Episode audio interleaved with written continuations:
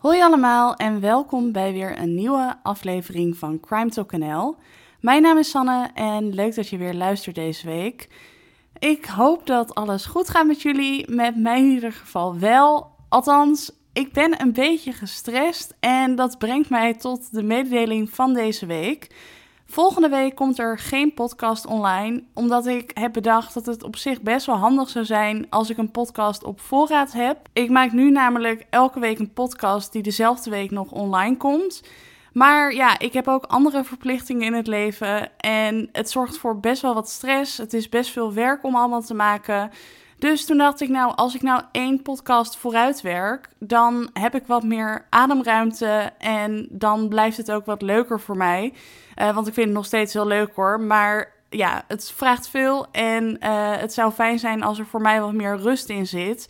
Dus toen had ik bedacht, volgende week geen podcast, dan maak ik er eentje vooruit. Dan heb ik wat meer ruimte, uh, rust en dan blijft het voor mij nog te doen. Dus herhaling, volgende week geen podcast. Die week daarna wel weer gewoon. En dan wordt alles weer normaal. um, dus dan weten jullie dat. Um, dat was de algemene mededeling. Dan gaan we nu naar de zaak van deze week. En de zaak van deze week is al best wel lang aangevraagd. Namelijk eigenlijk sinds ik de Baarnse moordzaak heb gedaan uit 1960. Want toen vertelde ik, er zijn twee Baarnse moordzaken. En nou ja, diegene die ik heb gedaan in het begin was uit 1960. Deze komt uit 1999. En nou ja, toen waren er al wat verzoeken van, kan je die dan misschien ook doen? En toen had ik zoiets van, nou, twee Baarnse moordzaken achter elkaar, dat lijkt me wat, ja, verwarrend. En nu dacht ik, nou, dit is wel de juiste tijd. Het is al even geleden. Dus deze week de Baarnse moordzaak uit 1999. En zoals altijd begin ik weer met de achtergrondinformatie. Uh, belangrijk om te weten is dat deze zaak gaat over twee mensen. Dus ja, de achtergrondinformatie gaat over twee mensen. En die twee mensen zijn Hans en Ria. En zij waren een echtpaar, ze waren getrouwd. En samen woonden ze op de Rembrandtlaan in Baarn. Vandaar ook de Baarnse moordzaak. Um, Ria was in 1999 59 jaar oud. Uh, ze had kort donker haar en ja, een beetje op boblijnlengte, dus net boven de schouder. Uh, Hans was 65 jaar in 1999 en die had ook donker haar en dan echt zo'n ja, uh, degelijk net mannenkapsel. Ze waren dus getrouwd, maar ze hadden geen kinderen. Ik weet niet of dat gewenst was of ongewenst, maar die hadden ze dus niet. Verder waren ze vrij ja, op zichzelf. Ze leefden een best wel teruggetrokken bestaan. De mensen in hun buurt in Baarn wisten niet heel erg veel van hun. Um, ze waren altijd dus een beetje op zichzelf. Maar er was één ding waarover Hans in ieder geval heel graag praatte. En dat was het geloof. Uh, Hans en Ria waren beide christelijk. En Hans was daarin dus vrij fanatiek. Uh, ondanks dat ze dus vrij teruggetrokken waren, praatte hij heel graag over het geloof. En dat wilde hij dan soms ook een beetje ja, opleggen bij anderen. Dus ondanks dat ze niet heel erg outgoing waren, praatte hij daar wel heel erg veel over. Verder waren ze alle twee ja, op leeftijd wil ik niet zeggen, maar ze waren niet meer de allerjongste en ze kampten alle twee ook best wel met gezondheidsproblemen. Uh, Ria had onder andere depressieve klachten en daarnaast ook ja, nog meer lichamelijke kwalen. En Hans, die had ook allerlei dingen, maar die had vooral reuma en daardoor kon hij niet meer echt goed lopen en zat hij voornamelijk in een rolstoel. En omdat ze al die kwalen hadden, waren ze niet meer aan het werk. Ze waren eigenlijk fulltime thuis. Maar voordat ze ja, fulltime thuis kwamen te zitten, was Hans werkzaam bij de GAK, Instituut GAK. En ik heb er een beetje onderzoek proberen naar te doen. Het is me nog steeds niet helemaal duidelijk, maar het lijkt erop alsof dat een organisatie is die zich bezighoudt met maatschappelijke belangen, zoals uh, sociale zekerheid, de arbeidsmarkt, um, dat soort dingen. Uh, dus Hans was daar werkzaam en Ria was voorheen altijd kleuterjuf geweest. Maar goed, nogmaals, dat deden ze dus niet meer. Ze waren dus eigenlijk altijd thuis, leidden een vrij teruggetrokken bestaan, hadden niet veel sociale contacten in de buurt. Ook met familie was er weinig contact, dus hun leven speelde zich voornamelijk binnenshuis af. Um, dus dat is een beetje de achtergrondinformatie. Dan gaan we nu door naar de zaak, want ja, als er niets gebeurd zou zijn, dan zou ik het niet behandelen in de podcast. En die zaak begint dus in 1999. Want eind 1999 zijn Hans en Ria opeens, ja, verdwenen lijkt wel. Ze zijn niet meer gezien in en om hun huis, in de buurt. En dat viel de mensen in de buurt toch best wel op. Ja, je ziet normaal gesproken natuurlijk wel mensen langslopen of je ziet ze in hun huis. En dat was dus al een tijdje niet het geval. En daarom besloot een mevrouw uit de buurt begin 2000 om eens een keertje naar de politie te bellen. En ze vertelde het verhaal dat Hans en Ria dus al een tijdje niet meer gezien zijn, dat ze dat vreemd vinden. Maar daarnaast vertelt ze ook dat er een huisvriend van hun is, die heet Paul. En Paul past op hun huis. En Paul zou aan hun hebben verteld dat Hans en Ria naar België waren vertrokken om zich aan te sluiten bij een religieuze secte. Volgens Paul zou alles goed gaan met hun, uh, zou hij nog regelmatig contact hebben met hun en ja, was er dus eigenlijk niks geks aan de hand. Maar toch, het zat die buurvrouw niet lekker. Ze vertrouwde het verhaal niet helemaal. En daarom had ze toch besloten om een keertje naar de politie te bellen en het verhaal te doen. Dus nou ja, zij vertelt dus wat ik net heb verteld. Maar de politie heeft zoiets van: nou ja, het zijn volwassen mensen. Het kan gewoon zijn dat ze inderdaad vertrokken zijn. En de politie ziet geen reden tot zorgen. En ze doen er eigenlijk niks mee. Ze nemen het niet serieus en nemen zelfs geen aangifte op of maken zelfs geen notitie. Dus ja, de buurvrouw heeft dat gedaan, maar ja, die kan verder ook niet zoveel. En ja, die moet het dan eventjes laten rusten.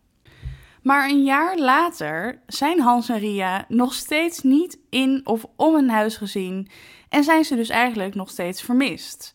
Nou, diezelfde buurvrouw maakt zich ook nog steeds zorgen en die besluit dit keer niet te bellen, maar om langs te gaan bij het politiebureau om daar nog een keertje het verhaal te doen. Dus ze vertelt opnieuw hetzelfde verhaal. Uh, haar buren zijn al een tijdje niet gezien. Ze vindt het vreemd.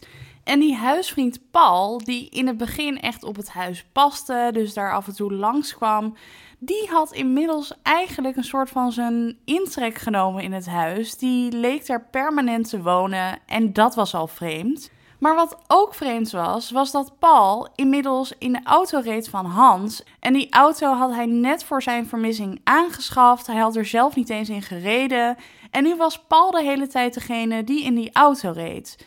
Dus ja, dat was voor de buurt heel erg vreemd om allemaal te zien. Uh, ze vertrouwden het nog steeds niet. En daarom was er dus besloten om dit keer langs te gaan bij de politie en om dit verhaal te vertellen. Maar wederom had de politie niet heel erg veel interesse in het verhaal, maakte ze zich eigenlijk geen zorgen en moest de buurvrouw maar weer naar huis zonder aangifte of notitie of onderzoek. Dus weer moest de buurt het maar laten rusten. Dan in 2003 zijn Hans en Ria nog steeds niet thuis en gaat dezelfde buurvrouw weer naar de politie toe. Want ja, haar buren waren dus al vier jaar niet meer thuis geweest en dat was heel erg vreemd. Tenminste, ja, ik zou dat ook heel erg vreemd vinden. Maar je raadt het misschien al.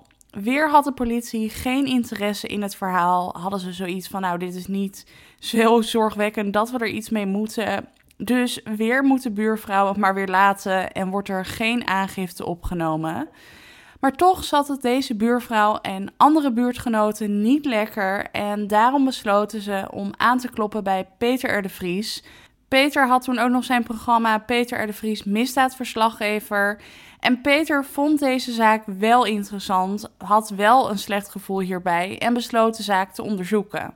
En dat onderzoek begint ook weer bij de huisvriend Paul. Want het is natuurlijk ook wel een vreemd verhaal dat Paul aan de mensen in de buurt vertelt.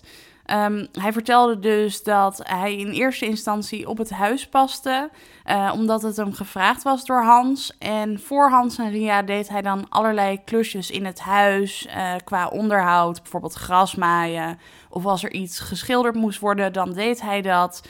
En ja, nogmaals, hij zei dus dat hij nog steeds contact had met Hans en Ria. Maar ja, dat is natuurlijk een vreemd en vaag verhaal. Dus Peter R. Vries en zijn team beginnen dus met het onderzoek en verdiepen zich in Paul. En uh, ze komen er bijvoorbeeld achter dat Paul werkzaam is als uh, kinderboerderijbeheerder bij kinderboerderij Kanton. En dat hij inderdaad permanent leek te wonen in het huis van Hans en Ria. En dat riep toch ook wel vragen op. Want, nou ja, kijk, als je iemand kortere tijd op je huis laat passen, ja, dat is niet heel erg vreemd of opvallend. Maar als je iemand vier jaar in je huis laat, dan roept dat vragen op. Wie betaalt uh, de huur of de hypotheek? Wie uh, betaalt de reparaties? Um, hoe gaat dat? Hoe zijn die afspraken? En hoe is dat dan allemaal geregeld? Nou ja, en omdat die vragen er waren, besloten Peter de Vries en zijn team om telefonisch contact op te nemen met Paul. En uh, nou ja, ze hebben dan een gesprek. En uh, ja, Paul geeft eigenlijk overal een antwoord op, wel allemaal een beetje vaag. Maar ook aan hen vertelt hij het verhaal dat hij ook aan de buurtgenoten vertelt. Hans en Ria zijn naar België gegaan voor een religieuze secte. Um, Hans en Ria hebben aan Paul gevraagd om op het huis te passen. Um, af en toe hebben ze contact met elkaar. Dat is allemaal heel snel en vluchtig. Maar er is af en toe nog wel contact. Uh, het gaat goed met ze. En ja, alles wordt gewoon geregeld door Hans en Ria zelf financieel. Uh, Paul geeft aan dat hij daar zelf niks mee te maken heeft. Hans en Ria regelen de financiën. En Paul zelf, ja, die past gewoon op het huis. En er is eigenlijk niks geks aan de hand volgens hem. Maar goed, ja, jullie kennen Peter de Vries. Uh, jullie weten ook, Peter R. de Vries en zijn team laten het hier natuurlijk niet bij zitten. En die gaan op verder onderzoek uit. En dat onderzoek dat begint eigenlijk bij die auto. Want zoals ik net vertelde, Paul reed dus ook in de net aangeschafte auto van Hans. En Hans had die auto echt net voor zijn verdwijning aangeschaft. Maar hij heeft dus zelf nooit in levende lijven die auto opgehaald. Je raadt het misschien al, maar degene die de auto heeft opgehaald is Paul. Paul reed dus in die auto. Uh, de auto stond wel op de naam van Hans. Maar Paul was dus de enige die ooit in die auto gereden had. En ja, dat is natuurlijk best wel vreemd. Waarom zou je een net nieuwe auto aanschaffen om vervolgens je huisvriend erin te laten rijden? Dus dat was ook een vaag verhaal. Uh, alles werd wel gewoon betaald rondom de auto, de verzekering, de wegenbelasting. Maar Hans zelf had dus geen kilometer zelf in de auto gereden en dat was al vrij apart. Wat Peter en zijn team verder nog onderzoeken, uh, zijn ook de bankzaken. Want ja, alles moest toch betaald worden, de kosten liepen door. En volgens Paul deden Hans en Ria dat dus allemaal zelf. Um, Hans en Ria hadden alles rondom al hun financiële zaken geregeld bij de ABN AMRO Bank. En dat is dus ook waar Peter en zijn team heen zijn gegaan om alles voor te leggen en het hele verhaal te vertellen. En in tegenstelling tot de politie vindt de ABN AMRO dit ook een heel raar en alarmerend verhaal. En zij starten ook gelijk een intern onderzoek naar alles wat de afgelopen jaren is gebeurd. En uit dat onderzoek kwamen toch wel best wel opmerkelijke dingen naar voren. Um, want wat bleek? Hans en Ria bleken behoorlijk rijk en vermogend te zijn. Uh, ze hadden een paar miljoen op de bank staan. En dat had eigenlijk niemand zien aankomen. Uh, Hans en Ria woonden gewoon in een rijtjeshuis. Uh, ja, leefden niet heel erg uitbundig. Dus dat ze zo vermogend waren, ja, dat had eigenlijk niemand aanzien komen. Uh, dat vermogen hadden ze opgebouwd door heel zuinig en eenvoudig te leven. Ze hadden belegd en ze hadden ook een erfenis gekregen. En op die manier waren ze dus best wel vermogend geworden. En als je vermogend bent, krijg je bij de bank een persoonlijk adviseur. En bij onderzoek bleek inderdaad dat die adviseur Hans en Ria al jaren niet meer had gezien. De enige die ze wel had gezien en met wie ze wel contact heeft gehad over de bankzaken, ja, dat was Paul. Sinds 1999 gingen bepaalde bankzaken via Paul. En ja, misschien kan je nog herinneren, maar ik vertelde net dat Paul tegen Peter de Vries had gezegd dat hij zich niet bemoeide met de bankzaken. Dat hij niet degene was die dat regelde, maar dat Hans en Ria dat waren. Nou, dat bleek dus niet waar te zijn. Uh, Paul regelde wel degelijk bepaalde bankzaken. En daarnaast maakte hij ook regelmatig bedragen over naar zijn eigen rekening. En dat deed hij eigenlijk op een ja, onopvallende manier. Uh, wat hij dan deed was bijvoorbeeld kleine, relatief kleine bedragen overmaken. En dan deed hij alsof dat was voor uh, reparatie, nou, noem eens wat. Dus elke keer maakte hij kleinere bedragen over. En deed dan alsof Hans dat had overgemaakt voor bepaalde ja, klusjes en onderhoud. Maar hij deed dit dus met vrij kleine bedragen. Maar intussen bleek dat toch al voor jaren zo'n 1500 euro per maand te zijn, wat Paul zelf overmaakte naar zijn eigen rekening. Dus op die manier harkte Paul best wel wat geld binnen vanaf de rekening van Hans en Ria. Want op de een of andere manier had Paul ervoor kunnen zorgen dat hij gemachtigd werd door de bank. Uh, hij had een of ander vaag briefje gemaakt. En ja, de bank was daar akkoord mee gegaan. En op die manier had Paul dus toegang tot bepaalde rekeningen van Hans en Ria. En op die manier kon hij dus bepaalde geldzaken zelf regelen en ook geld overmaken naar zijn eigen rekening. Wat ernaast ook nog naar voren kwam, was dat Hans levensverzekeringen had. Hij had er zeven om precies te zijn. En bij een levensverzekering moet je één keer in de zoveel tijd een soort van bewijs leveren dat je nog in leven bent. Zo'n bewijs, zo'n document kan je regelen via de gemeente. Je moet dan zo'n document persoonlijk ophalen en dan weer inleveren bij de verzekering. En zo kan je dan bewijzen dat je nog leeft. Al deze verzekeringen van Hans en Ria waren ook geregeld bij de ABN AMRO. En het persoonlijke contactpersoon, de adviseur die ze hadden omdat ze vermogend waren, die heeft dat ook een paar keer aangekaart bij Paul. Van nou ja, we hebben wel zo'n bewijsje nodig dat ze nog in leven zijn. Dus zou je dat misschien kunnen regelen? Nou ja, Paul zei dat hij dat dan ging regelen. En uiteindelijk kwam hij met het verhaal dat Hans dat niet wilde regelen, omdat het volgens hem te confronterend zou zijn. En zo'n bewijsje zou er dus niet komen. En ja, vreemd genoeg heeft de ABN AMRO daar genoegen meegenomen. Maar ja, dit maakt het allemaal wel wat verdacht en uh, maakt het er niet beter op qua verdenking richting Paul. Maar dat is nog niet alles wat ontdekt werd bij het onderzoek bij de bank. Want de bank bleek een brief in hun bezit te hebben die zogenaamd afkomstig zou zijn van Hans. En in die brief vertelde hij dat hij naar buitenland was, dat hij geen idee had wanneer hij terugkwam. En dat in de tussentijd Paul alles zou regelen en dus ook het nieuwe contactpersoon zou zijn. En ja, de bank heeft dit gek genoeg eigenlijk als waarheid aangenomen en dat geaccepteerd en Paul aangenomen als nieuwe contactpersoon. Maar ja, dat is natuurlijk best wel raar dat ze dat zo makkelijk aannemen. Dat als je dan even een briefje schrijft, dat iemand eigenlijk zo toegang krijgt tot jouw bankzaken. Dus dat was al vreemd. En daarnaast bleek ook nog bij nader onderzoek naar die brief dat die brief op een manier geschreven was ja, waarop Hans zelf niet zou schrijven. Dus ook die brief maakt het niet veel beter voor Paul. En ja, het stapelt zich eigenlijk allemaal op. En dit waren dus best wel belangrijke ontdekkingen die werden gedaan bij onderzoek bij de ABN AMRO. Maar er is meer wat apart is en dat naar voren komt in het onderzoek dat Peter de Vries en zijn team doen. Want ik heb natuurlijk aan het begin verteld, Hans en Ria hadden alle twee best wel wat kwalen, uh, gezondheidsproblemen. En voorheen gingen ze dus ook best wel regelmatig naar een arts toe voor hun kwalen. Maar sinds 1999 zijn ze alle twee niet meer bij een arts geweest, terwijl ze daar dus wel regelmatig kwamen. Dus dat was al vreemd. Uh, daarnaast bleek ook nog dat het paspoort van Hans sinds 2002 was verlopen. Maar deze is ook nooit vernieuwd. Er is nooit een nieuw paspoort aangevraagd. En dat is natuurlijk best wel cruciaal als je in het buitenland bent, als je wil reizen. Ja, dan heb je meestal toch een paspoort nodig. En die is dus nooit meer opnieuw aangevraagd.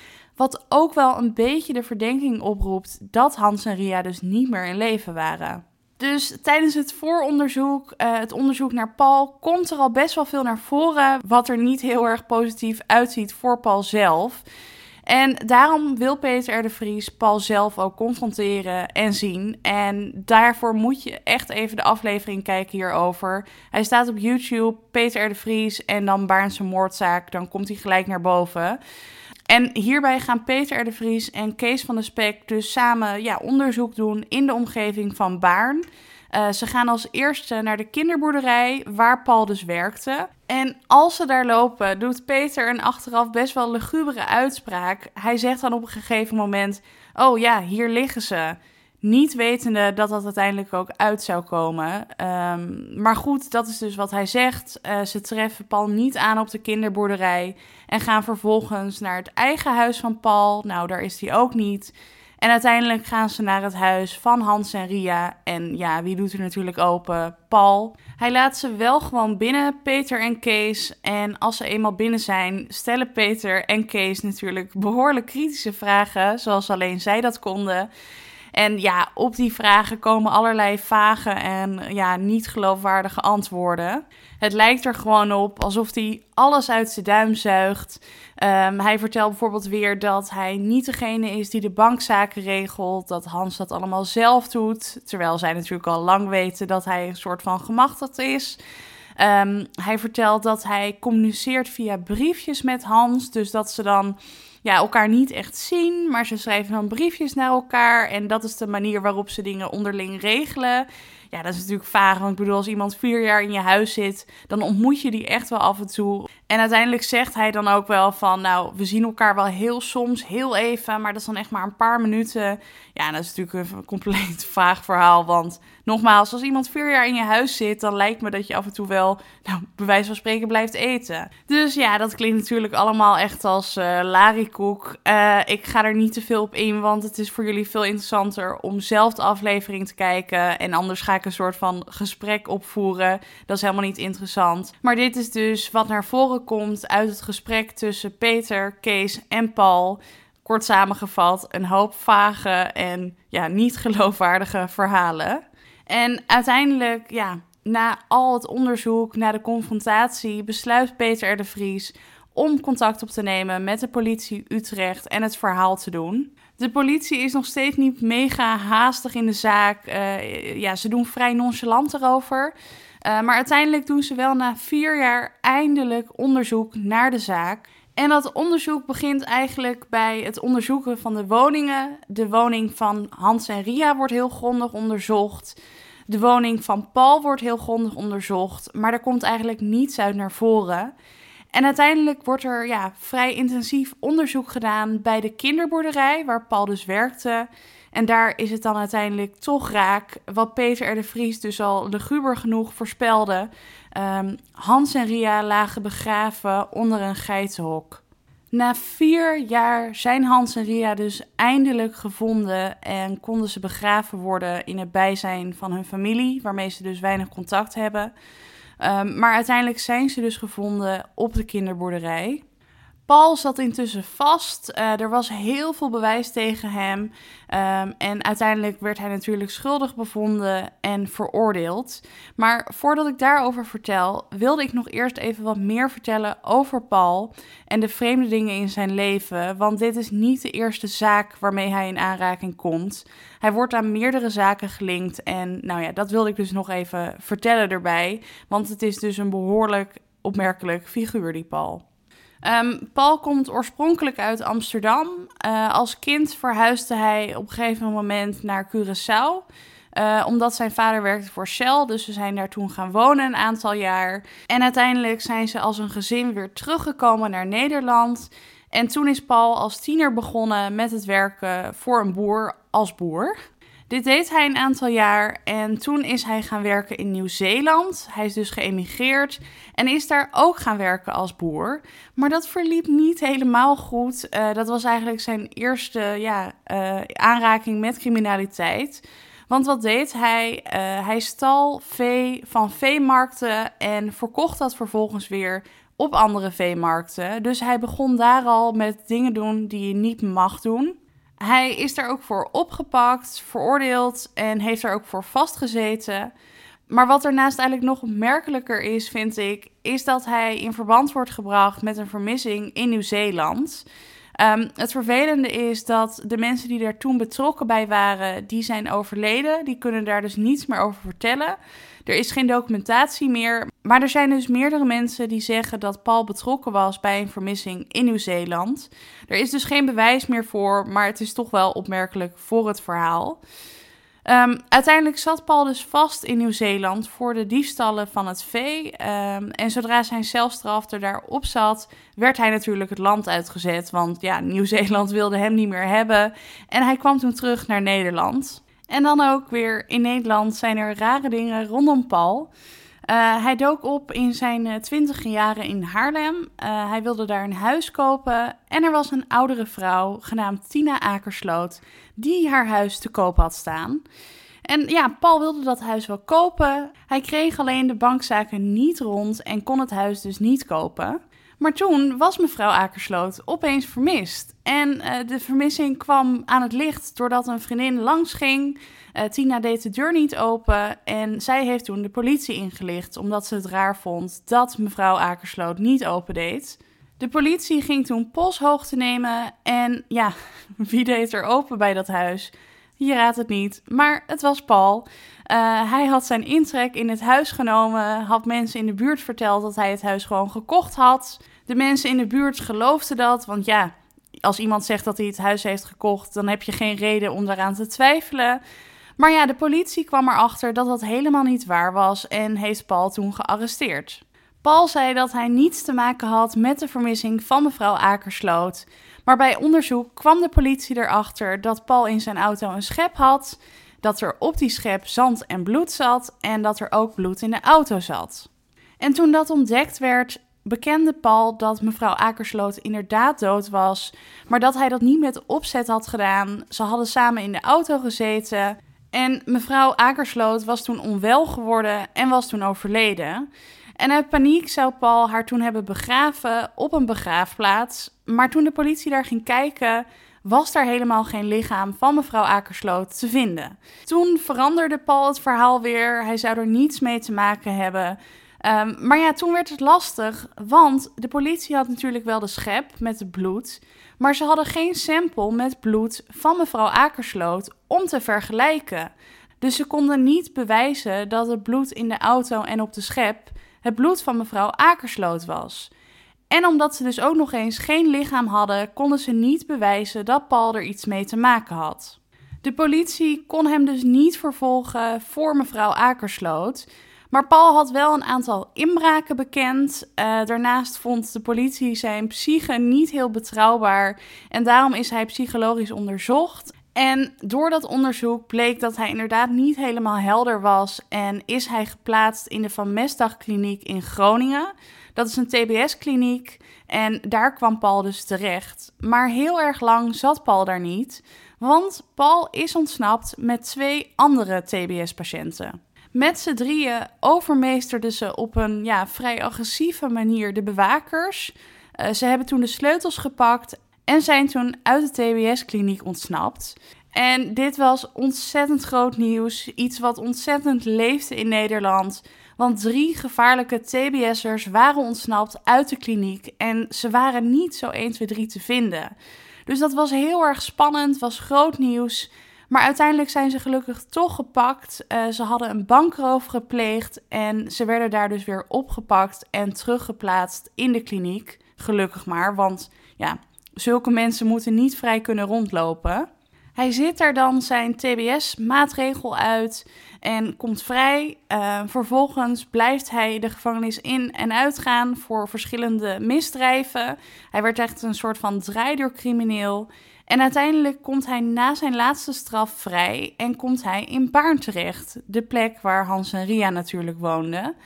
En hij kwam daar terecht omdat hij daar familie had wonen, waaronder zijn oma. En Paul, zijn oma, was dementerend en hij ging voor haar zorgen. Wat natuurlijk vrij aardig lijkt. Um, hij zorgt voor haar, hij trekt erin en dit is ook de tijd dat hij Hans en Ria ontmoet. Hij zorgt een tijd voor zijn oma totdat zijn oma komt te overlijden. En Paul is degene die het huis erft. En ja, je kan je denk ik wel voorstellen dat er wat mensen waren die hun twijfels hadden over de dood van zijn oma. Want ja, Paul had opeens wel dat huis geërfd. Maar volgens Paul en zijn familie is zijn oma echt overleden aan een natuurlijke dood en was er niets meer aan de hand. Paul erft dus dat huis, uh, hij bouwt een leven op, vindt een vrouw, ze krijgen kinderen en wonen als een gezin in dat huis dat Paul heeft geërfd van zijn oma. Alleen eind jaren 90 gaan Paul en zijn vrouw scheiden. En dit is ook de tijd dat hij meer contact opneemt met Hans en Ria. En nou ja, we weten uiteindelijk allemaal hoe dat is afgelopen, hoe hij in dat huis is gekomen. En het lijkt er dus op alsof dit niet de eerste keer is dat hij op deze manier heeft gehandeld. Maar ja, de moord op Hans en Ria is de enige moordzaak waar echt bewijs voor was. Uh, waarop bewijs was dat Paul echt degene was die hen vermoord had. En dat zijn dus ook de enige moorden waar hij voor veroordeeld is. Want zoals ik al eerder zei en waar ik later op terug zou komen, er was dus voldoende bewijs tegen Paul. Paul is vervolgd en uh, ja, berecht. Uh, hij kreeg uiteindelijk 16 jaar cel en TBS opgelegd. En anno 2021 zit Paul nog steeds in de TBS-kliniek. Uh, vorig jaar in 2020 is zijn TBS-maatregel weer verlengd.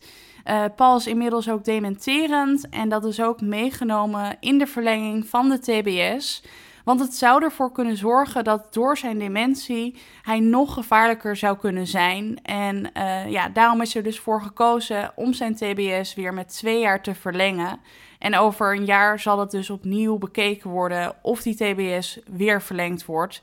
Maar goed, zoals het er nu uitziet, lijkt het daar wel op. Want ja, als hij dementerend is en dat maakt het gevaarlijker, ja, dan moet hij wel vast blijven zitten. Want ook zonder zijn dementie was hij al levensgevaarlijk. En het lijkt in principe een vrij normale man als je hem ziet, als je hem hoort praten. Maar deze man maakt eigenlijk alleen maar slachtoffers. En ja, het is dus maar goed dat hij opgeborgen zit. En ja, dat was eigenlijk het verhaal van de moord op Hans en Ria. En tegelijkertijd ook een beetje het verhaal van Paul. Um, heel heftig verhaal uh, van beide kanten. Uh, ik vind het heel heftig dat Hans en Ria dus zo lang vermist waren. En dat de politie eigenlijk zo lang niets heeft gedaan. Uh, daar is ook veel commotie over geweest. Um, maar dat moet natuurlijk niet kunnen. Ik vind het ook heftig dat. Ja, dat dit is overkomen. Je bedenkt het niet. Het is toch echt gebeurd. ontzettend heftig. En daarnaast dus dat Paul zo'n eng persoon is die zoveel dingen waarschijnlijk op zijn kerfstok heeft. Um, ik blijf altijd maar denken van, het kan dus iedereen zijn. Iedereen kan erge dingen doen en het zou maar zo je buurman kunnen zijn. Dus ja, heel naar en heftig verhaal. Um, dat was het weer voor deze week. Uh, voordat je gaat heb ik nog wel een kijk, luister, leestip voor jullie. Met deze week weer een podcasttip. En de podcasttip van deze week is de politiepodcast Cold Case van Politie Nederland. En hoewel je door de naam misschien zou denken dat er in elke aflevering een nieuwe zaak, een nieuwe cold case wordt behandeld, is dat niet het geval. De eerste zeven of acht afleveringen gaan over de moord op Judith Niari. Um, zij is vermoord en nog altijd is de zaak niet opgelost. En daar gaan dus de eerste paar afleveringen over. De andere afleveringen gaan tot nu toe over Wies Hensen. Uh, die zaak heb je misschien wel gehoord in het nieuws de afgelopen tijd. Die leest weer wat meer. Uh, en daar gaan dus de meest recente afleveringen over. En ja, ik vind het heel erg interessant om de verhalen te horen vanuit de politie, vanuit andere betrokkenen. Maar doordat de podcast dus gemaakt is door de politie, is het toch een andere soort podcast dan bijvoorbeeld journalisten die een podcast maken over waar gebeurde misdaad of over amateurs zoals ik.